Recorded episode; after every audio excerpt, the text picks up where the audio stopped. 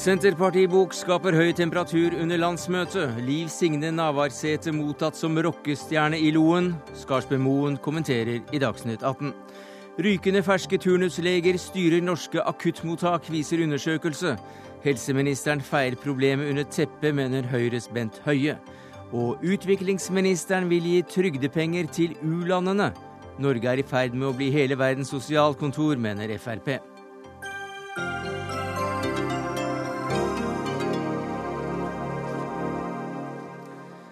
Ja, Det er noen av sakene i Dagsnytt 18 denne fredagen, der vi også får høre hva eksperten på slikt i Forsvaret mener om trusselen fra Nord-Korea. Og vi får vite hva som skal gjøres for å sikre flere norske medaljer i sommer-OL. Men først til Sogn og Fjordane, til innerst i Nordfjord, til Loen og til hovedattraksjonen på spahotellet Alexandra. Er en bauta i norsk politikk. Og ei dame som vil og som står for gode kjerneverdier. Hun er politikkens Tina Turner. Liv Signe Navarsete! Ja, hva syntes du om den introduksjonen, Navarsete? Ja, det, var, det var den gode Rasmus Mo. Jeg kjenner han godt fra uh, ulike arrangement i Sogndal fotball og andre steder. Og han er en entusiast, så jeg må jo bare takke for en fantastisk introduksjon. Men hvordan skal du da som partileder på landsmøtet rocke opp delegatene slik at partiet blir helt uimotståelig for oss velgere? Det skal vi gjøre gjennom gode politiske debatter, og vi er godt i gang i dag. Eh, det har vært en god generaldebatt eh, så godt nå i ettermiddag. Og eh, det viser bredden i Senterpartiet sin politikk. Det er stor spennvidde i innleggene, og det er stort engasjement. Uh, og det har handla mye om både energi og samferdsel, men òg mange andre saker. Uh, Marit og Ola har innleia på sine områder. og det vekte ikke minst uh, stort engasjement i salen. Men hva håper du at delegatene går ut fra møtet når dere avslutter på søndag? Jeg håper de går ut med stolthet over det partiet får til med et brennende engasjement av det partiet skal gjøre i tiden framover. Og eh, med ei overtyding om hvor viktig Senterpartiet er i norsk politikk.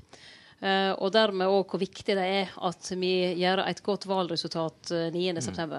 Mm. Vi er helt avhengig av den gjengen skal vi vinne valget, vet du. Ja. Motmakt og at dere er, er en slags uh, eh, viktig element mot, mot, den sentrale makten her. Kjerringa mot strømmen kalte du deg selv. Eh, men hvor troverdig er det når du selv har vært medstrøms i åtte år? Jeg har nok langt ifra vært medstrøms i åtte år, og det tror jeg Du har sittet med makten ja, hvis en eh, partileder Men, i eh, en sentral posisjon i regjeringen har makt? Ja, og det sa jeg òg i talen min, at kanskje blir ikke den motmakta så synlig når vi sitter i regjering men hun er minst like viktig. I et regjeringssamarbeid kommer det opp mange forslag. Eh, ikke alle av dem gjør landet godt ut ifra Senterpartiet sitt verdisyn. Eh, så det handler jo både om å få fram og vedta de gode forslagene. Det handler òg av og til om forslag som aldri ser dagens lys. Det hører ikke du eller andre noe om. Men det er klart i, i slike saker er òg eh, Senterpartiet viktig eh, for eh, sine velgere og sine saksområder. Men det er altså helt usynlig? De vil være usynlige fram til vi starter å skrive våre memoarer en eller annen gang, om vi skulle finne på å gjøre det. Men så sa du også at dere, dere ikke, opplever ikke noen nedgang her nå. For at dere er jo midt i en gullalder, faktisk. Og da er det vel noen som spør seg om når var egentlig jernalderen? Men hvordan kan du si at dere er i en gullalder nå som dere av og til lukter på sperregrensen, dere også? Fordi at eh, vi får gjennomslag for viktige saker for Senterpartiet og for våre velgere. Eh, vi har fått gjennom ei eh, satsing på samferdsel som knapt noen trodde eh, vi kunne få til når vi starta i 2005.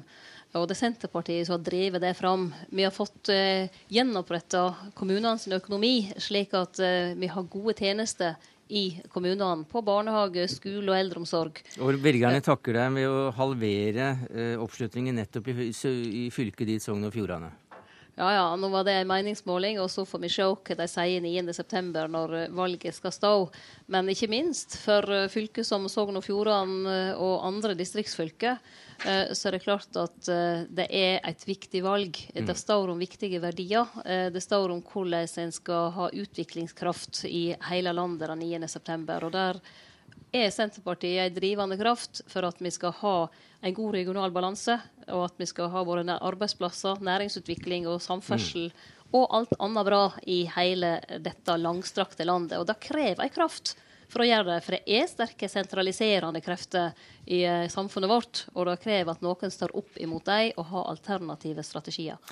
Du åpnet hele talen med en bokanmeldelse og et James Bond-sitat. We shake shaken, men not, not stirred. Ja, og det gjorde jeg fordi i overført betydning så betyr det at eh, det er en rystelse, men det betyr ingenting. Eh, og det er, var min korte og litt humoristiske eh, beskriving av eh, boka som ble lansert på onsdag. Til eh, Elisabeth Skarsbø Moen. Men du brukte ja. jo allikevel et par minutter i åpningen din på å gå gjennom den boka. Nei, jeg, jeg du, gjorde ikke det. Ja, jeg, brukte, brukte, jeg, brukte, et par minutter på ja. ett punkt som jeg syns gikk over all eh, folkeskikk, nemlig å beskrive et samarbeid mellom i leding i Senterpartiet på en uh, måte som ingen av oss kjenner oss igjen i.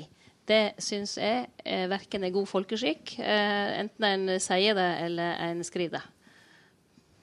Ja, Du etterlyser også uh, kildene til, til, det som blir skrevet? Ja, dette er jo en bok som er bygd på uh, hemmelige kilder. Uh, og hva uh, slags mål og hva slags intensjoner de kjeldene måtte ha hatt, det er jo ingen som vet. Det er heller ingen som vet hvem de er. så dette er iallfall ei bok som jeg, og jeg tror de aller fleste i Senterpartiet, har lagt godt til side.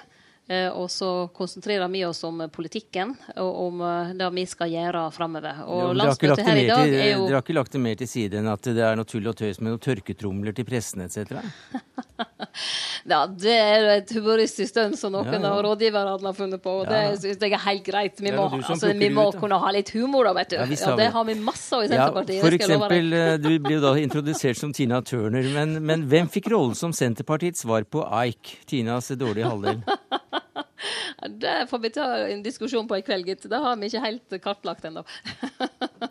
du kritiserte altså boka til Skarsbø Moen, brukte et par minutter på det. Men eh, du er ikke interessert i å snakke med henne direkte her i Dagsnytt 18. Hvorfor ikke det? Jeg mener hun beveger seg eh, på et nivå uh, som ikke fortjener debatt. Jeg mener Senterpartiet har gitt nok salgs... hva skal jeg si? ja, framstøyt for den boka eh, allerede. Jeg har ikke noe ønske om å bidra ytterligere til å løfte den fram. Den er ikke av et slikt kaliber at jeg eh, ønsker å bruke tid på det. Nei, men to minutter i åpningen, det var det altså tid til. Eh, Elisabeth Skarsbø Moen, debattredaktør i VG, forfatter da av boka Ola Borten Moe, 'Portrett av en playboy'. Hva sier du til denne kritikken fra Navarsete? Nei, Jeg opplever at hun forsøker å eh, så, så litt eh, angripe min eh, troverdighet. da. Men, og det må hun gjerne gjøre. Men hun vet jo like godt som meg at jeg ikke kan snakke om KAM som kildene i denne boka her. Men jeg har jo gått ganske langt i å identifisere hvilken informasjon og hvilken grad av informasjon disse kildene har. Ved å plassere dem f.eks., som jeg omtaler deg, enten nær Navarsete, en som kjente Navarsetes vurdering, kjente Mos vurdering, sentralt i Senterpartiet. Så jeg har jo så gått så langt jeg har kunnet uten å avsløre kilder, med å hjelpe leseren til å forstå at dette er godt informerte kilder. Og, og tenk, det burde også Navarsete forstå. tenk deg den jakten der på Muldvarpen i Loen nå. ja, det skal jeg ikke uttale meg om. Er hun der, hun kilden din? Det, jeg kan ikke si hva som er kildene mine. Du, eh, er du overrasket over at boka ble et tema i et par minutter av åpningstalen? Jeg vet, Alle som skriver politisk bok, er opptatt av å få mye oppmerksomhet. Så jeg kan vel ikke akkurat klage over det. Men du la også merke til det rørende nære forholdet mellom eh, de to eh, du mener er kamphaner i partiet, nemlig Ola Borten Moe og, og Navarsete. Han stormet jo opp på scenen, ga blomster og en varm omfavnelse. Ja, ser ut som det er kjempestemning i Loen, men det er jo ikke det som skjer i dag jeg har skrevet om. Jeg har skrevet om det som har vært fram til nå. Hvordan de har det seg mellom i dag, skal ikke jeg uttale meg om. Men det er jo sjøl sagt at det er et avklart forhold, at de ikke er akkurat er gode venner, eller nære venner. Men det kan gå fint med å skal lede et parti. Men det som jeg fant da jeg skulle skrive boka mi, det eh, ble jeg overraska med jo. For eh, og jeg mener fortsatt at det forholdet var prega av trusler i den kommunikasjonen de hadde seg imellom, og som jeg hadde innsyn i. Så, så går det fram. Og ikke sant, Ola Borten Moe, det står også i boka, han gjorde det klart for Navarsete at uh, hun uh, ville få hele Trøndelag imot seg hvis hun prøvde å røre mm. rådgiveren hans Vigdenes. Og hele offentligheten har jo også sett det at uh, Moe offentlig satte stillinga si inn, mm. trua med å gå av. Sånn at, og Hvis ikke det er trusler, så vel, jeg ser på det slik. Men det er min tolkning. Ja. Navarsete å tolke det på sin Men måte. Men noe av kritikken mot boka di har vært at du har skrevet eh, mye og interessant om allianser og maktbegjær, men eh, kanskje om noe annet begjær også. Men for lite da om hva denne makten eventuelt skulle brukes til. Altså, dersom dine anonyme kilder har rett, hva er det denne lederstriden dypest sett bunner i, hvis man snakker om politikk? Den bunner i helt ulike, ulik Altså, de representerer ulike fløyer av Senterpartiet. Og det er ikke riktig at det ikke står mye om det i boka. Det, det er det den egentlig handler om. Uh, det handler om måten han utøver olje- og energipolitikk på, og hvilket brudd det er med Senterpartiets tidligere linje.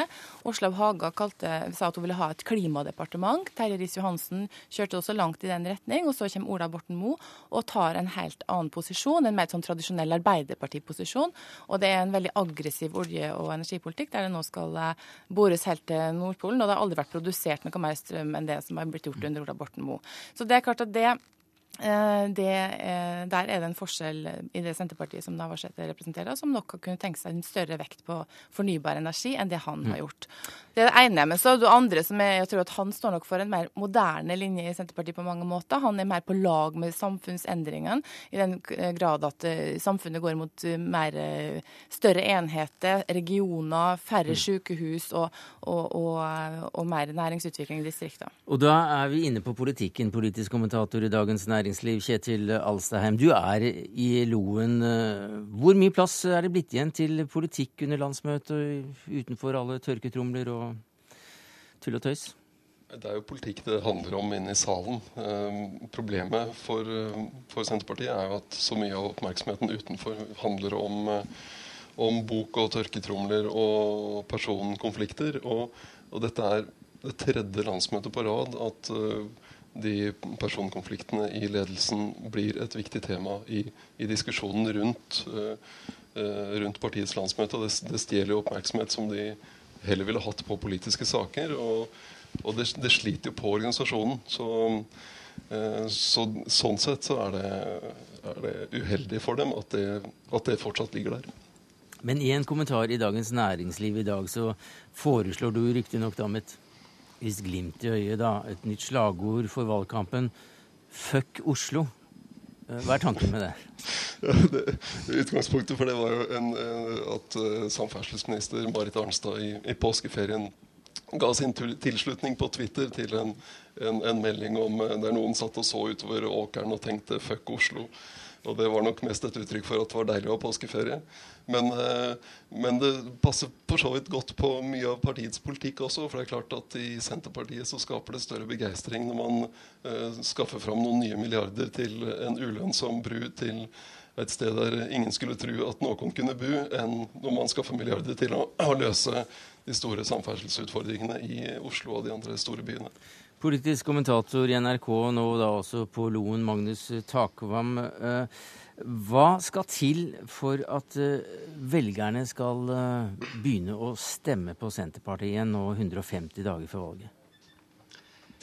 Det er det ikke lett å svare eh, godt på. Jeg, jeg, tror eh, Altså, vi har hatt denne målingen som reflekterer eh, stemningen i et distriktsfylke som Sogn og Fjordane i nyhetene i dag, der Senterpartiet har fått halvert oppslutning siden valget i 2009, og Høyre har kjempeoppslutning. Det er nasjonale trender som slår inn. Det er rett og slett det faktum at regjeringsslitasjen nærmest trumfer alle andre forsøk på politiske utspill fra de rød-grønne partiene som gjør at det er, det er vanskelig å få den å, å, å gi medisinen for å, for å, komme tilbake og, og få velgerne ned fra, fra, fra gjerdet. For hun refererte altså gjentatte ganger til kjerringa mot strømmen og refererte til, uh, til seg selv.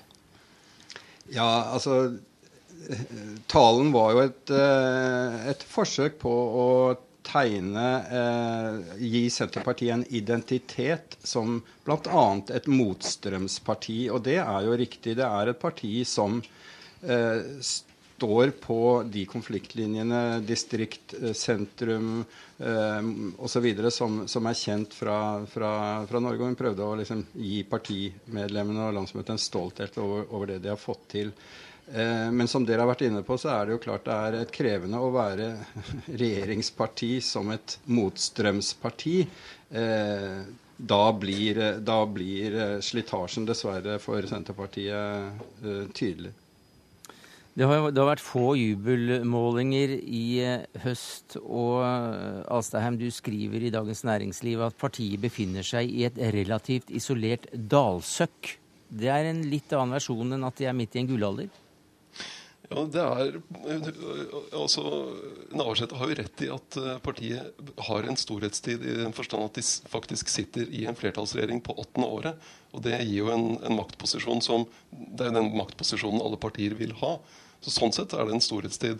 Men fremtidsutsiktene er jo ikke så gode. Når du ser på målingene, så ligger de veldig dårlig an. Mye dårligere enn de gjorde for fire år siden. Eh, jeg tror de kommer til å holde seg over sperregrensa. Men eh, men jeg tror kommer, de, de, ligger an til å gjøre et dårligere valg enn for fire år siden. Og de ligger an til å ramle ut uh, og miste regjeringsmakt. Så det blir en veldig brå slutt på den gullalderen eller storhetstiden. Og hva skjer da på neste landsmøte, Elisabeth Skarsby Moen og, og lederstriden? Ja, dette har jo vært konstant siden Liv Signe Navarsete ble leder. Her, og Jeg skjønner godt at hun føler det utfordrende. Det har hun jo snakka ut om sjøl også. Eh, hvis det faller under sperregrensa, så er jeg ikke tvil om hva som skal skje. Da må hun gå av. Men eh, hvis ikke jeg kjenner henne, så tror jeg hun er ganske innstilt på å holde koken sjøl om det skulle bli et dårlig valg. Altså. Men det kommer jo an på Jeg tror mange, eh, mange, mange altså, Lederkonflikten kommer helt klart opp igjen hvis de blir sittende i opposisjon.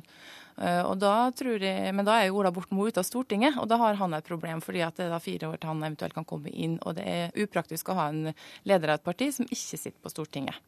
Så det, ja, det er spennende å se hva som vil skje med, med han da. Men at han er en, en framtidig lederkandidat, det er jeg helt overbevist om. Vi runder av denne eh, bolken om Senterpartiet ved å sitere nettsidene til byggeindustrien, bygg.no, som skriver sitat If Forsikring fraråder på det sterkeste improvisert badstue på badet ved hjelp av tørketrommel og dusj, særlig i forbindelse med alkohol. Takk skal du ha, Elisabeth Skarsbø Moen, Magnus Takvam og Kjetil Alstaheim. Hør Dagsnytt 18 når du vil, på nettradio eller som podkast. nrk.no – dagsnytt 18.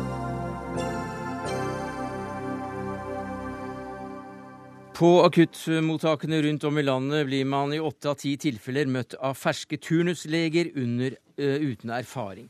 Pasientene som trenger hjelp umiddelbart, får derfor dårlig behandling på sykehusene, ifølge en undersøkelse som TV 2 gjorde denne uka. Hva synes du om det, Bent Høie, du er helsepolitisk talsmann i Høyre? Nei, det er veldig alvorlig, og det er nok eh, kanskje mest alvorlig for eh, de pasientene som har eh, litt uh, diffuse og komplekse uh, uh, symptomer, som ikke på en måte følger den strømlinjeforma behandlingen som de som heldigvis får, de som gjerne har et, tydelig hjertestans eller hjerteproblemer eller, eller, eller, eller tegn på slag. De kan med det systemet bli liggende for lenge. Eh, det er i eh, beste fall eh, dårlig kvalitet. I verste fall så kan det være farlig for, for liv og helse. Hva skyldes dette? Det skyldes jo at sykehusene har organisert seg på en sånn måte at i, i veldig stor grad så møter pasienten først en sykepleier, og så en, så en uerfaren turnuskandidat som vurderer pasienten. Og så gjerne en eh, lege med en lengre erfaring etter hvert, hvis eh, turnuskandidaten finner behov for, for, det.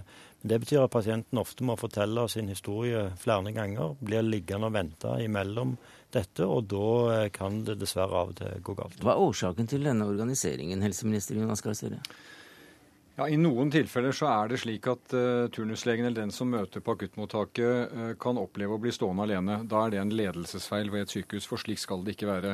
Men jeg har jo hatt behov for å nyansere dette bildet som TV 2 har tegnet. fordi at det er ikke slik i åtte av ti tilfeller at du kommer til en uerfaren lege som slår ut med hendene. Uh, jeg har brukt det tallet at 90% av de som kommer til et akuttmottak i Norge i dag, de kommer til et sykehus hvor det er mange leger døgnet rundt tilgjengelig til å hjelpe til i akuttmottaket. Men akuttfunksjonen sier seg selv, det er en ganske kritisk funksjon. Eh, jeg har vært rundt på akuttmottak på mange sykehus, senest på sykehuset i Tromsø i går, og ser at der arbeides det med måten man organiserer gode akuttmottak på, slik nettopp at det er kompetanse til å kunne utrede og gi svar på slike diffuse mm. stillinger som Høie riktig sier. Det er de som er de mest kritiske. Men bare for å ta den TV 2-undersøkelsen. TV 2 er ikke her, men både Akuttmedisinsk forening og en rapport fra Helsetilsynet i 2008 viste noe av det samme. Jo, men ikke sant? la oss bare ta ting i riktig rekkefølge. fordi at Helsetilsynet i 2007 de var kritiske til akuttmottakene. Dette har vært fulgt opp fra Helsedepartementet i 2009 i klare instrukser til helseregionene. Jeg har bedt regionene komme til meg nå i neste uke eller om en uke for å gi en ordentlig gjennomgang av hvordan de ser på det for sine sykehus. Og vi følger det opp rundt forbi. slik at det bildet er ganske sammensatt. Husk på du har Ahus har om 130-140 akuttpasienter i døgnet. Sykehuset i Tynset har 5-6. Så det å organisere dette store landet vårt, hvor vi har mange akuttsykehus, våre naboland har få, det er en krevende utfordring. Mm. Og det handler om kompetansen til de som står i det mottaket. Og som sagt, hvis det er en turnuslege der, som jeg ikke mener er galt i seg selv, så må han eller hun ha rask tilgang til erfaring hvis det er behov for det. Høye.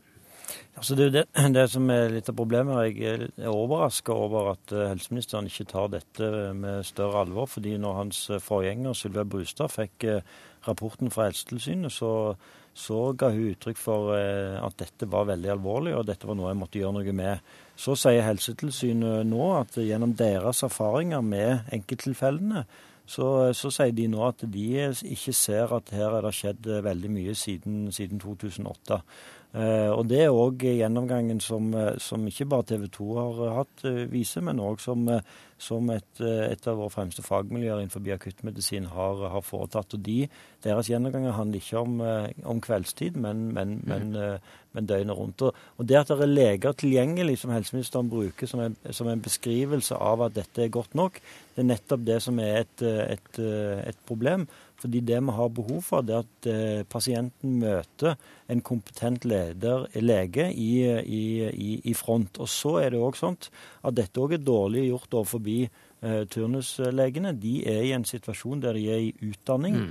Det betyr at hele poenget for deg å være i et akuttmottak, det er å være der sammen med en mer erfaren mm. lege. Men vi må ta dette å, punkt for punkt, uh, Høie. Du sitter i Stavanger, det er ikke så lett å avbryte deg. Men uh, Gahr Støre, la oss begynne med det at ikke du tar det alvorlig nok. og ikke Nei, så alvorlig som men, men, men, la oss være, ha respekt for hverandre. Jeg tar dette på alvor. Jeg tar hele sykehuset på alvor. Og det er mange funksjoner å ta på alvor. Og, og jeg har sagt at når jeg har besøkt akuttmottak på mange av de sykehusene jeg har vært på, så er det fordi at det er en veldig viktig funksjon. Det er en forskjell på 2008 og nå. Sylvia Brustad tok tak i dette. Det ble arbeidet med det. Det ble gitt veldig klare instrukser ut i Sykehus-Norge. Eh, så har jeg sett når jeg har vært rundt, på Ahus. Det ble, kom frem i TV 2s reportasje. Der har de fornyet, forsterket akuttmottaket, som var i en ganske kritisk funksjon i fjor. er blitt mye bedre nå. På UNN, det store sykehuset i Tromsø, for den landsdelen, gjøres det også mye fornyende arbeid. Så jeg, for å si det sånn, jeg føler jeg også har ansvar overfor de som jobber ute i akuttmottakene, til å si fra at det bildet om at ikke det gjøres noen ting, det er urettferdig mot dem. Mot turnusleger og andre som jobber der, at det ikke gjøres noe. Er det et uttrykk for at alt er bra og at vi er i mål? Nei. Mm, men hvordan kan du da si at ikke det tas alvorlig under dette regimet, Høie? Nei, fordi at uh, Det som jo er hele poenget, er at uh, helseministeren er ikke villig til å si at her skal vi sette noen nasjonale standarder og, og, og krav som, mm. som gjør at, eh, at en eh, faktisk får rydde opp i dette. Så, det er det som har gjort et øyeblikk, vi må få Støre inn. Kommentere det et øyeblikk. Vi må få inn Støre her. Da skal jeg kommentere det, Høie. og Det er at det jobbes nå i Helsedirektoratet med spørsmål om legespesialiseringer.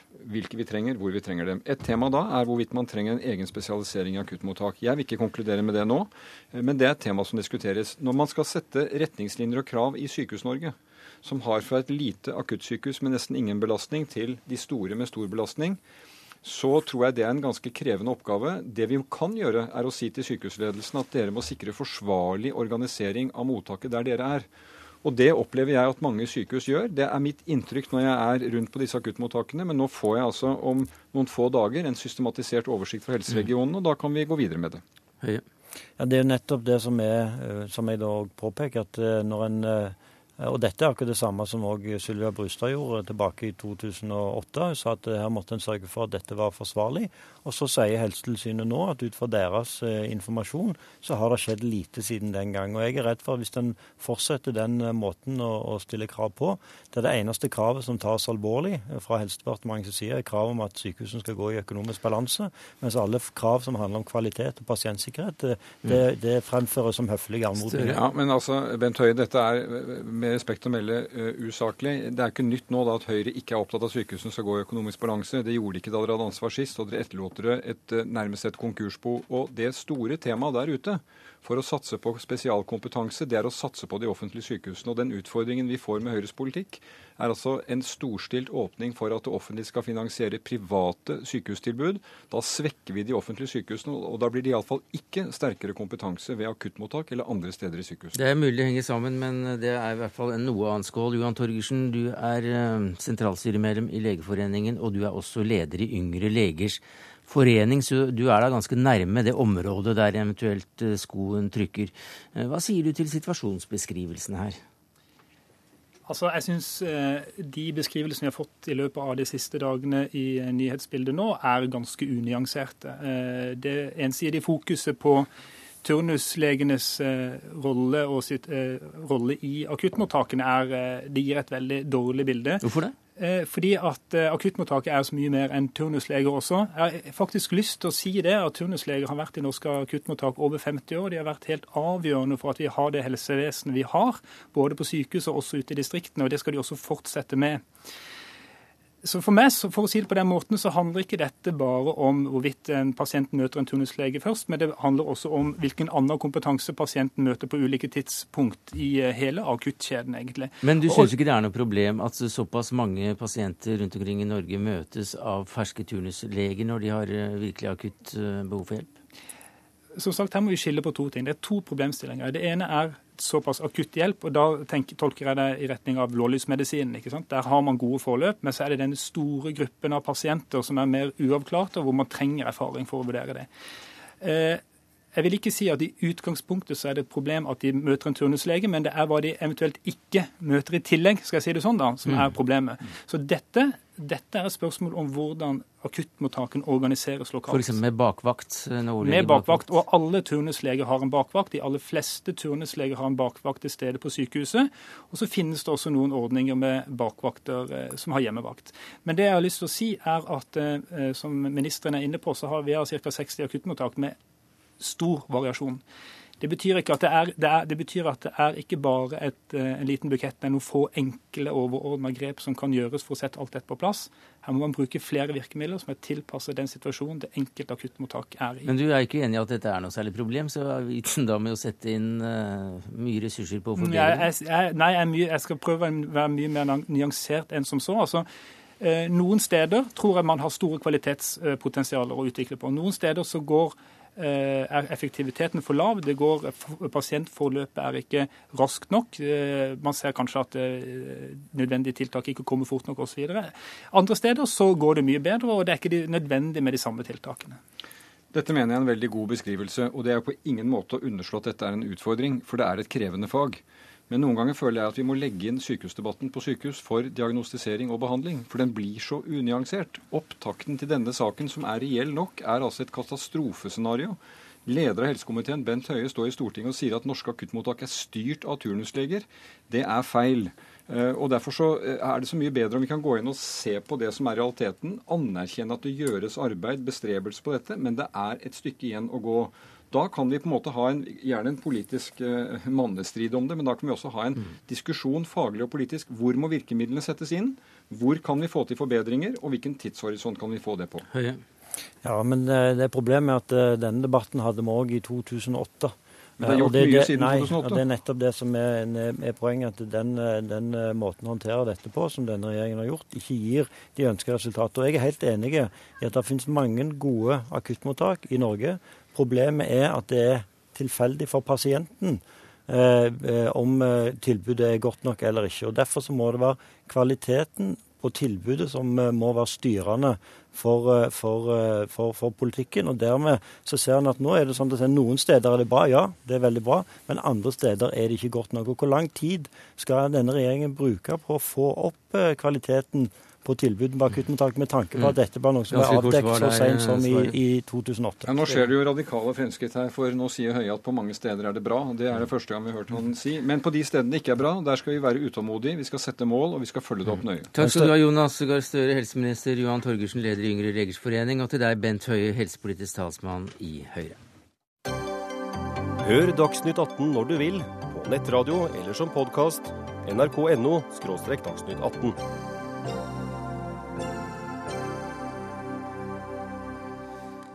Fire medaljer i London-OL. Det var ikke bra nok. Det mente i hvert fall styret i Norges idrettsforbund, som ba et utvalg se på hva som kan gjøre norsk toppidrett bedre. I dag la du, Tom Tvedt, leder for Tvedt-utvalget og styremedlem i Norges idrettsforbund, fram da Tvedt-rapporten på Ullevål stadion. Og hva er hovedtrekkene i rapporten? Nå er Hovedtrekkene at det skjer veldig mye bra i norsk idrett. Eh, har... Er det det dere har blitt bedt om å understreke? At det skjer så mye bra at det ikke er nødvendig med en rapport? Har... Hva er det rapporten peker på som kan gjøres bedre? Vi har pekt på at uh, vi skal jobbe videre med talent. Vi har gått gjennom og sett at uh, det er mye som er bra i norsk idrett. Og så har vi gjennom våre anbefalinger òg pekt på en del områder som vi er nødt for å jobbe videre til det beste for norsk idrett. Hva er de mest kritiske forbedringspunktene? Ja, Det er jo spørsmålet at vi ser helt konkret at vi har ikke nok talenter. Det er ikke nok eh, eh, talenter som ligger til grunn for at vi skal utvikle og vinne gull i fremtiden. Vi må få flere eh, talenter til å utvikle, utvikle seg der ute i regionen og ute i Norge. Ja, Hvordan skal man gjøre det, da? Ja, Det er jo sånn at det er fantastisk arbeid som skjer ute i 12 000 idrettslag. Eh, vi er nødt for å gjennom kunnskapsbasert eh, trening. Vi må utdanne våre trenere, våre foreldre, til å drive bedre utvikling av våre barn. Og så tror vi at vi skal gjøre en del på struktur og ledelse òg gjennom Olympiatoppen. Det hørtes ut som ganske omfattende, spør du meg, for å få mer gull ut av 120 millioner kroner i året, som er budsjettet til Olympiatoppen. Apropos det, 120 millioner er mye penger og lite gull, kanskje? Ja, nå er det jo sånn at 120 millioner kroner er det som ligger i Olympiatoppen. Utenom det så bruker jo særforbundene òg mye penger, ca. 700 millioner kroner til eh, toppidrett. Det er jo det som er summen av det som satses. Så 1 milliard kroner i året ga altså da fire medaljer i, eh, i London? 1 milliard Det er 250 millioner per medalje, det. Det ga mye folkehelse, og det er mye begeistring for oss. Det er ikke mye folkehelse i Olympiatoppen? Det er mye folkehelse i idrettssatsingen i Norge. Truls Deli, hva, hva syns du om rapporten? Du var til stede da den ble lagt fram. Jeg tror, eh, jeg tror, det er en eh, nødvendig rapport, og jeg syns det er fint at den kommer. Og det er mye bra i denne rapporten. Eh, Uh, og så er det en del skarp kritikk der, uh, som jo er interessant. Den kommer ikke så helt klart fram. Hvor er det det er skarpest? Uh, nei, det er jo kritikk i retning Olympiatoppen for at de har vært unnvikende i verdispørsmål, f.eks. Det er kritikk fordi at altså, i, i, flere sammenhenger så blir de kritisert for å være utydelige, ha litt utydelige roller. Eh, og litt uklare resultatmål osv. Så, videre. så Så det er en del av det der eh, som sikkert vil eh, bli med videre i debatten. Det jeg er litt bekymra for i forhold til rapporten, det er at, det er at, at den kan føre til en debatt som blir altfor omfattende. At, altså hvis vi skal diskutere hele kjeden i norsk idrett, altså fra barn til olympisk arena, så blir vi aldri ferdig. Vi blir mm. aldri ferdig om vi bare holder oss til barneidretten en gang. Altså, denne debatten, hvis det skal handle om Olympiatoppen, som jo skal på en måte spisse de beste utøverne vi har, og sørge for at det kommer noen nye eh, tett bak, så, må det, så må, tror jeg debatten må gå strengt på det. Ja, Det er jo dette som har vært vårt utgangspunkt. Det er å lage her en eh, Men du hører den er for omfattende til å være et godt verktøy for en slik debatt? Det har vært viktig for utvalget å lage en god analyse og et godt grunnlag for en debatt. Eh, Og det som uansett eh, vi må innse, det er at de fremtidige gullmedaljene de er 10-12 år i dag. De er der ute i Norge. Vi må systematisere, optimalisere den økonomien vi bruker. Og vi må ta igjen bl.a. innen paralympisk det vi har mista. Der var vi en storhetsnasjon. Der leverer vi ikke resultater.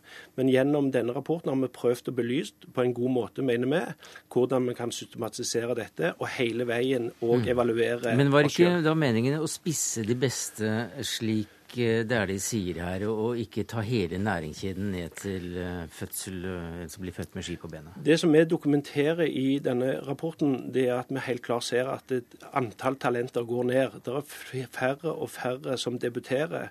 Da må vi påse at volumet blir større. Så vi må òg bli bedre på toppen for å heve oss der. Men konkurransen blir strengere og strengere i, i verden. Ja, og så er det et annet moment da, som er uh, viktig å få med seg her. og Det, er det spørsmål uh, hvordan du ser på norsk topp, toppidrett. For Hvis vi ser på Norge som vinteridrettsnasjon, så har vi resultater og antall medaljer som gjør Norge til en olympisk gigant. Men hvis vi forholder oss til sommer-OL, så er vi en liten mygg. Eh, og Hvis du slår sammen dette her, så blir det ganske bra likevel. Men det er viktig at skal, altså, jeg tror Norge i tradisjonelle vinteridretter eh, nærmest er sjølgående eller sjølspillende piano på mange måter. Spørsmålet er hvordan skal vi bli bedre i litt større idretter, i andre idretter? Er, skal vi bruke ressurser på det? Og, og det er vel her rapporten peker på en del ting. at den rekrutteringa i norsk idrett er litt for tilfeldig, og her kan man gjøre det bedre. Det var som britene foran London, eh, altså Storbritannia, var jo ikke eh, presterte ikke veldig godt i, i olympiske leker og har ikke gjort det på lang tid. Men de satte altså inn helt konkrete mål og en helt konkret satsing. De var ganske kyniske. De satsa på enkelte idretter, hvor de vant nesten alt, som i, i, i banesykling f.eks. Men resultatet var også en, en, en, en enorm suksess hvis det er antall medaljer vi skal måle det etter. Ja, Vi må selvfølgelig stille krav, og det er jo noe av det som vi har gitt som anbefaling. Det er at vi må tilbake igjen til krav. Altså det Så, du, betyr- så dere vil stille krav om antall medaljer, dere? Ja, vi vil være veldig konkrete Til på det. Til Brasil-OL om tre år? Tre Ja, både fordi at det, det var jo der vi var før, veldig tydelige. Men er det ikke da lettere å gå inn og si at vi skal ha gullmedalje i synkronsvømming? Det som er, har vært noe av norsk idrett, det er jo at vi har sagt at her skal vi klare sammen å utvikle toppidrettstalentene. Og det skal vi gjøre gjennom særforbundene. Og vi må være mye flinkere til å hente det potensialet som ligger her. Det vi har lagt til grunn nå, det er en, en mulighet for en bred diskusjon som er viktig for norsk idrett. Og så er jeg helt enig med Truls, dette med vinteridrett er veldig bra. Men det vi har stadfestet i vår rapport, det er at på nye vinteridretter så skårer vi dårlig. Der er vi ikke til stede, og det er det vi sier noe om, at vi må tenke fremover. Men eh, det er det sier her at, eh, at Norge er en mygg når det gjelder sommer- eh, sommer-OL. og er det ikke greit å erkjenne at man ikke er noe særlig større enn en mygg? da? Jo, hvis man ønsker å være det. Ingen er større enn den de er? Men strategien vår er at vi ikke ønsker å være det. Eh, Vi mener fortsatt at det er muligheter òg innen sommeridretter. Eh, Derfor har vi nå pekt på en del eh, virkemidler som skal bringe oss videre, og vi må tenke langsiktig. Hvor mange OL-gull tror du vi får i Brasil ut fra denne rapporten, hvis den følges? Nei, Det tør jeg faktisk ikke ha noen formening om. Og, og dette her med å, også, å stille helt konkrete resultatmål i, for, i forhold til antall medaljer Det er litt offensivt. Det kan du godt si at det er litt offensivt, men samtidig så leder jo, leder jo det litt mot sånn som uh, man kan si en fotballklubb styres, at uh, hvis du ikke blir sånn og sånn, så, ja, så fjerner vi osv. osv. Det, det kan lett føre til den type reaksjoner og den type tenkning. Men, eh, men jeg syns de kan være mer offensive på resultatmål enn det er i dag. Det kan jeg være enig i. Men du, eh, til slutt, eh, Dæhlie, for du, du skrev i en kommentar i går i VG under tittelen 'Ikke lett å fjerne Omby nå'. Men du så da denne pågående evalueringen i lys av, av en, en lederdebatt? Ja, og den, den Omby er da sjefen for det hele? Ja, altså eh, Jarle Ombø var jo toppidrettssjef under vinter-OL i Torino mm. 2006, og der var jo resultatene ikke som ønska. Og da ble jo Åmbø utsatt for et nærmest bakholdsangrep, eller et angrep i forhold til å bli fjerna som toppidrettssjef. Og det, det, var det Inge Andersen, nåværende generalsekretær, som, som jo fronta sjøl. Så det er klart at det er lett å se denne rapporten, eksterne, behovet for en ekstern evaluering og denne rapporten, i lys av det oppgjøret som var da. Fordi det var et av de eh, råeste maktoppgjørene vi har hatt i norsk idrett. Mm. Den, eh, det, det, tror jeg er tona litt ned nå, og jeg tror at, at Jarle Ombø er en type toppidrettssjef som, som mer blir trigga av kritikk enn mm. en plaga av det. Så, så jeg tror han sitter trygt. Du nevnte uh, at dette var et eksternt utvalg. Det var vel så som så. Det, det, er vel begge deler. Det var en god del folk fra idretten, uh, Idrettsforbundet selv, som, som, sitter her. Ja, Dette var jo et eksternt utvalg. Jeg sitter selv i idrettsstyret, men det er helt klart Så du er ikke så veldig ekstern, for å si det sånn? Du leder ut utvalget? Men med 2,2 millioner medlemmer så det, skal du lete lenge etter noen som ikke er ekstern i forhold til norsk idrett. Tom Tvedt, leder av Tvedt-utvalget og styremedlem i Norges idrettsforbund. Takk skal du ha. Trond Dæhlie, sportskommentator i VG.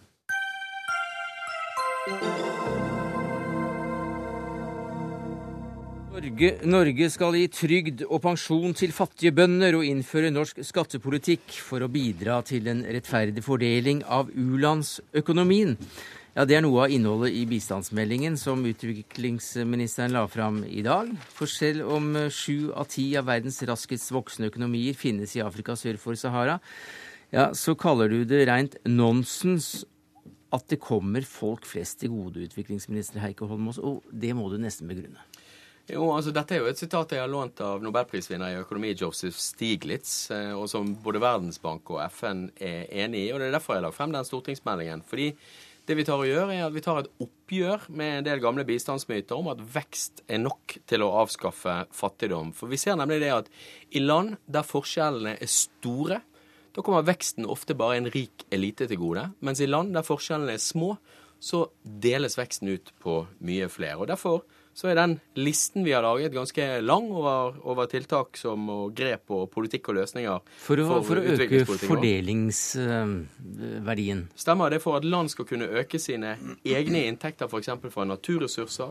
Det er bekjemping av skatteparadis for å sørge for at uh, pengene kan bli værende i landet og gå til skole og helseutvikling istedenfor å forsvinne ut i, i rike selskaper sine, sine konti i utlandet. Og det er for å bygge opp fagforeninger og og eh, arbeidstilsyn, sånn at folk får en lønn å leve av og mm. en anstendig arbeid. Så vil dere altså da overføre trygdepenger og pensjon direkte til uh, trengende i, i, noen av de u-landene vi bistår. Det har vi ikke hørt så mye om før. Hvordan skal det skje? Dette er politikk som virker. og La meg ta et eksempel fra Brasil med en gang. For i Brasil som er et av de landene der forskjellene er størst. Der har de fått på plass når eh, Lula da Silva og senere Dilma ble valgt som presidenter. Så eh, fikk de på plass en, en ordning som heter Bolsa Familia, som på mange måter er en betinget barnetrygd som er penger til de fattigste familiene, sånn at foreldrene får råd til å sende ungene sine til, på skole, få vaksiner, hele den pakken der, istedenfor å være ute på gaten og tigge og drive med barnearbeid eller gå i, i prostitusjon. Og Det har altså nesten halvert fattigdommen i Brasil, og det har kostet nesten ingenting penger. Eh, det var sånn at eh, ja, det har kostet under en halv prosentpoeng skatt. Og noe lignende har vi ikke sett maken til parlamentarisk nestleder i Frp, Kjetil eh, Solvik-Olsen. Men du sa tidligere i dag at dere likte ikke tanken på dette i det hele tatt, og kaller det at ja, nå prøver SB å gjøre Norge til hele verdens uh, Hva var det, sosialkontor? Altså, Det blir jo litt sånn spissformulering, men det, men det er gjeldende. fordi at uh, når regjeringen her sier at nå må Norge ta et ansvar for å hjelpe andre land med å få gode trygdeordninger, og vi skal bidra med penger til å betale trygdene i tillegg, så vi mene vi det er feil måte å tilnærme seg på. Det er ingen tvil om at det å sørge for at fattige folk får en inntekt som gjør at barna kan gå på skole, at de har råd til et godt helsestell og sånne ting, er med å bidra til livskvalitet, som bidrar til deres egen mulighet til å øke velstanden i framtiden. Der er vi ikke uenige. Men Fremskrittspartiets tilnærming det er å heller bidra med handel hjelpe jo med investeringer. Ja, det er, det er, alternativet. Men hva er galt med å sponse uh, trygder og pensjoner For, altså, i de fattigste landene? Fordi at Skal du hjelpe folk med utvikling, så tror vi at det er bedre at du investerer og skaper arbeidsplasser, enn at du betaler dem for lediggang. For det er jo det trygdene går på. Hadde de hatt lønnsinntekt, så hadde de ikke trengt trygdene. Og det er der vi tror at Hvis du kan få oljefondet til å investere mer i disse landene, hvis du kan opprette selskap som Norfund, som også er et statlig investeringsselskap, som investerer og skaper arbeidsplasser, så det er en mye bedre tilnærming mm. enn det som regjeringen nå velger, der de altså går inn på trygdeytelser. Landene må ha trygdesystem som er forutsatt den økonomien de har lokalt. og Her kommer vi mm. til å bygge opp noe som de ikke har bærekraft for på, sikt, eller på, på kort sikt. Jeg er helt enig i at investeringer er kjempeviktig, men vi må ikke glemme menneskene oppi dette her. og det er sånn at Folk lever altså for under en 7-8 kroner kroner om dagen. Folk sender ungene sine Istedenfor å sende dem på skolen, så sender de dem ut i barnearbeid til tigging for å skaffe familien eh, inntekter. Unger vokser opp fordi de, og, og blir kortvokste og blir hjerneskadde og får aldri muligheten til å, å, få skikkelig gode liv fordi de ikke har næringsfull mat fordi foreldrene ikke har råd. Og det å sørge for å være med på å bygge opp sånne type trygdesystemer som det du har hatt i, med Bolsa-familier i Brasil, i andre mm. utviklingsland, mm. men la utviklingslandene overta ansvaret for dette her sjøl i løpet av en ganske kort periode, det mener jeg er mm. riktig politikk som har vist seg å virke. Og det er mange som er med oss på dette. Jo, men altså, jeg, jeg, er jo ikke uenig i at det er viktig å sikre dem inntekt. Spørsmålet er det å sikre deg ei trygd som er det viktigste, eller er det at Norge heller sikrer investeringer som sikrer ja, de arbeidsinntekt? Det er det siste vi mener er det viktige her. Jeg er for å sørge for at flere folk får arbeidsinntekt. Men det er ingen tvil om at det, uh, det vi gjorde i Norge, når vi hadde store problemer med fattigdom i Norge, som de gjorde i, i USA på 30-tallet når de hadde store problemer der, det var å sette i gang sosiale programmer for at folk skulle ha nok til å leve et ålreit mm. liv, og til at unger ikke ble feilernært. Men vi må huske på at dette her er jo i en oppbyggingsfase vi skal få til dette. Så er det mange som land som vil ha råd til å finansiere dette sjøl, hvis vi bare hjelper dem med å øke skatteinngangen hva tror du det norske folk vil si når vi sprøyter penger direkte inn til pensjoner og trygder for folk i u-land? Jeg tror at folk husker at uh, i Norge, når vi var på vårt fattigste, altså på 30-tallet, så fikk vi på plass vår egen alderspensjon. Uh, og, og, jeg tror at folk skjønner at det er sånn at gamle mennesker i utviklingsland også trenger de pengene for å slippe å havne men, på fattigkassa. Men det, det du gjør, det er at du vil, du vil sprøyte penger direkte inn i statskassene i disse landene. Det er land som er ekstremt korrupte uh, i mange sammenhenger. Og ikke minst statsapparatet er ekstremt uh, korrupt. og det virker da litt naivt å tro at de pengene kommer frem? Nei, er det én ting som vi har kål på, så er det at de pengene kommer frem. Ja. Fordi at uh, er det noe som er enkelt å spore, så er det jo pengetransaksjoner. I mange land i Øst-Afrika f.eks. så er det jo sånn at du får utbetalt penger via mobiltelefonen. Du kan vite at pengene når frem. Det er mye enklere f.eks. å dele ut mat som det er lett å snike unna mat fra. Mye lettere enn å f.eks. dele ut parafin, som de gjør i India. Hva sier du til det, førsteamanuensis ved Senter for utvikling og miljø, Benedicte Bull? Jeg syns ærlig talt denne debatten både reflekterer veldig dårlig hva som står i denne meldingen, og er litt absurd på veldig mange områder. For det første så syns jeg både det vises her, og det er vist så lenge at det er ikke noen motsetning mellom fordeling og vekst. Man er nødt for å, å, å, sikre en viss fordeling i utgangspunktet for å få til en langsiktig vekst. Så lenge flertallet av befolkningen ikke har, noe, har tilstrekkelig utdanning eller helse eller har penger til bussen så de kan få søke seg en jobb om det blir mm. økonomisk vekst. Det er ikke noen motsetning der. Man må ha begge deler. Men vi trakk også synes... fram denne lille aspektet her nå. Men la oss gå tilbake til hovedkonklusjonen i meldingen meldingen? Eller hvilke trekk er det som beskriver norsk bistandspolitikk i 2013 ut fra den meldingen som blir lagt fram i dag? Altså Det som er nytt i denne meldingen, det er at, at man ønsker å se på fattigdom som en ting som er produsert gjennom systemet, gjennom produksjonssystemet, gjennom fordelingssystemer og, og verdisystemer for den saks skyld, og ikke som at det er en gruppe fattigdom som på en måte vi skal hjelpe ut av fattigdommen. Eh, og Det innebærer også en ting at sånn som det fremstilles her, at på en måte vi skal sitte her og bestemme hva slags type politikk som er fornuftig å føre, den er ekstremt gammeldags. Den har vel aldri vært spesielt effektiv, og det er i hvert fall en, en type bistandstankegang som er helt avleggs. Det man må se på nå, er å se hvor er det de viktige endringsaktørene er i verden. Mange av dem er nettopp i de fattige landene. Hvordan kan vi støtte de endringsaktørene? Aktørene.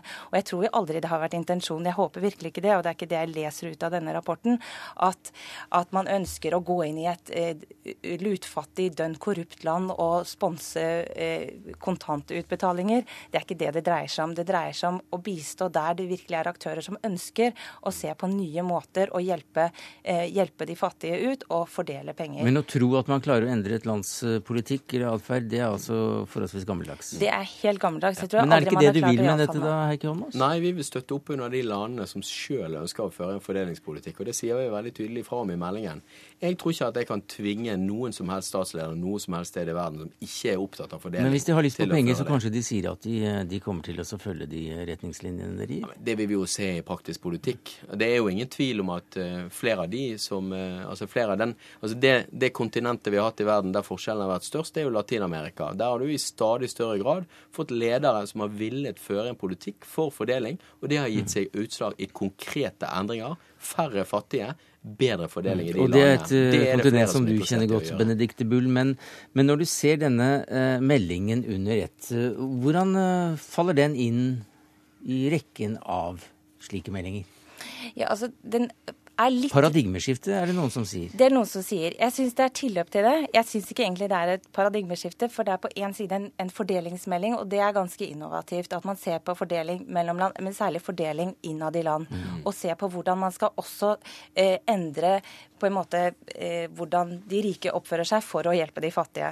Eh, gjennom ting som man har snakket mye om tidligere, riktignok. Både kapitalflukt, eh, skatteparadiser og alle disse tingene, men også skattesystemer, og, og, gå videre på det. Men så er det jo også en litt tradisjonell eh, melding om bredden i norsk utviklingspolitikk. Og sånn sett så favner det jo veldig mange andre temaer også, så det blir kanskje litt sånn sprikende for å være et ordentlig paradigmeskifte. Men det er i hvert fall mange tilløp til en, en ny måte å tenke utvikling og bistand på. Takk skal du ha, Heikki Holmås, utviklingsminister, Ketil Solvik-Olsen, parlamentarisk nestleder i Frp, og Benedicte Bull, førsteamanuensis ved Senter for utvikling og miljø.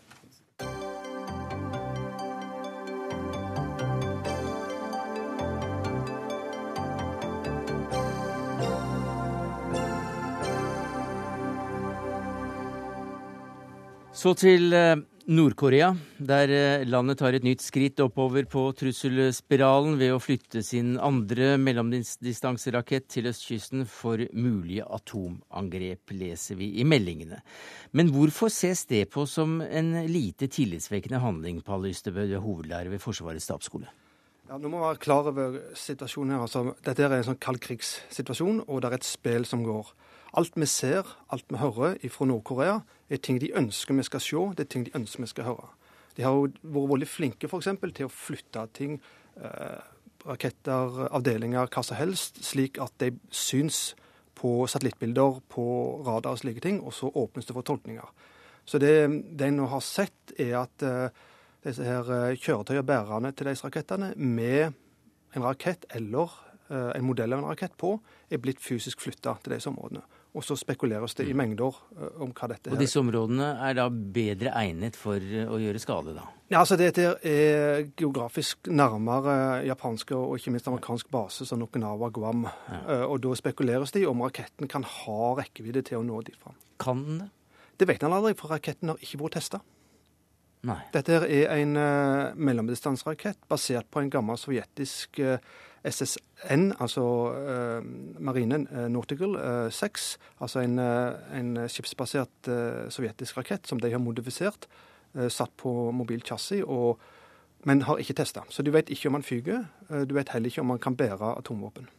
Samtidig sier Nord-Korea at landet ikke lenger kan garantere for sikkerheten til europeiske ambassadeansatte i hovedstaden, og det betyr vel da at Nord-Korea anbefaler utlendinger å forlate landet. Anders Magnus, du er korrespondent og du befinner deg i Seoul i Sør-Korea. Det er nærmere ikke så mange mil fra grensen. Hvordan tar folk denne siste utviklingen? Her i Seoul så er man vant til uh, sånne trusler, og eh, folk flest som uh, jeg har truffet, de, de, bare rister litt på hodet av det.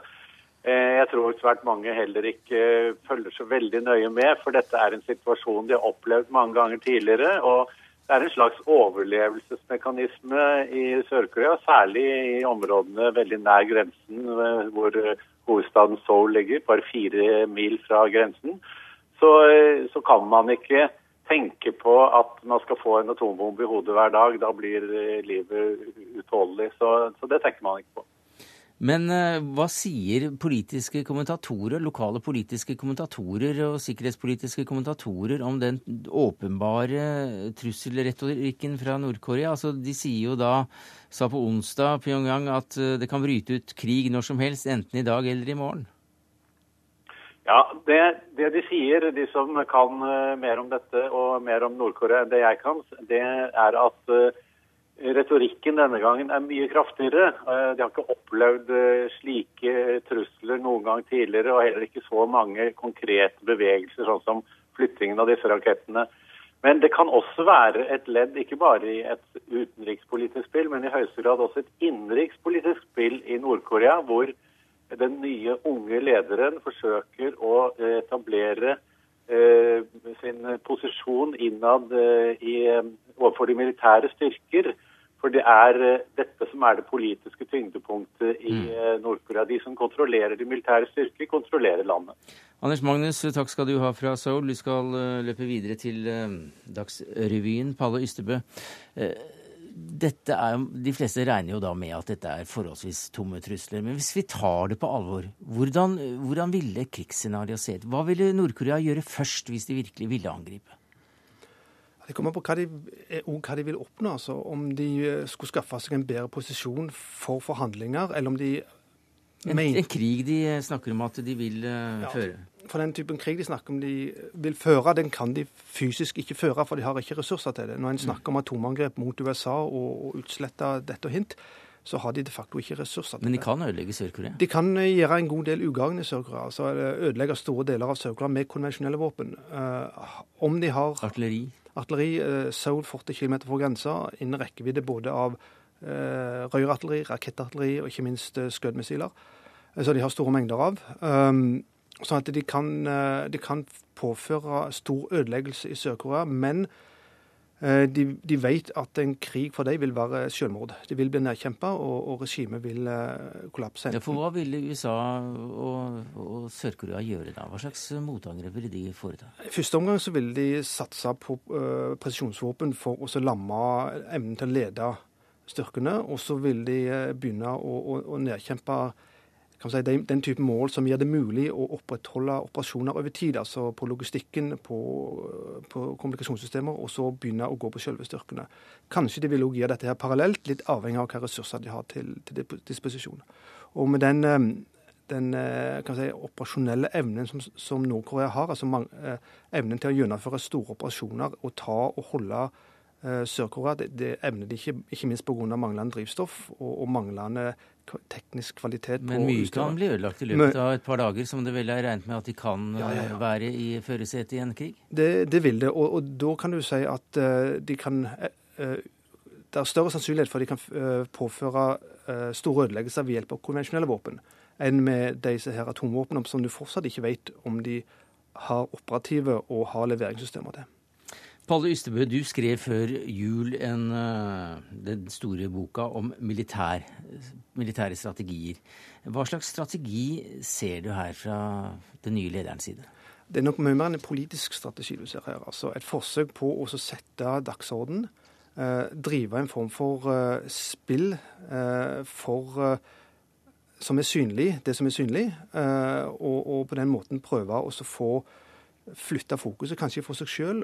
Eh, debatten nå går jo ikke på hvorvidt Nord-Korea kan finne på noe, men hvordan kan Sør-Korea hindres i å gjennomføre mottiltak som kan eskalere dette. Altså de, de klarer en fabelaktig psykologisk spill for å sette agendaen og fortsatt gjøre seg selv interessante eh, på, på, på, arenaen. Men når de har kommet opp på dette konfliktnivået, så er man altså bekymret for at man kan gjøre en feil? Ja, og, det, og, og det, den typen bekymring er de jo fabelaktig flinke til å bygge opp under. Mm.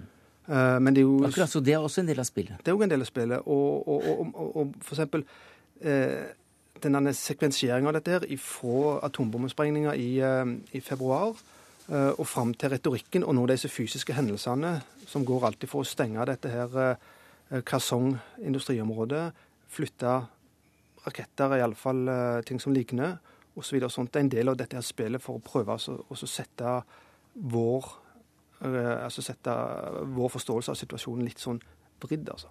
Hvordan skal dette gå, da? Nei, Det kommer vel til å roe seg en stund. 15. april er jo en, en dato som en, er jo da 100, vel 101-årsdagen for uh, Kim Il-sung. En regner med den har noe å si. Og så er den øvelsen som går nå, amerikansk-sørkoreanske øvelsen, som går ut måneden. Mm. Så det vil antagelig Jeg vet ikke hvordan det går, altså. Vi vet ikke hvordan det går. Pall Ystebø, hovedlærer ved Forsvarets stabsskole, takk skal du ha for at du rundet ut denne uka av Dagsnytt 18.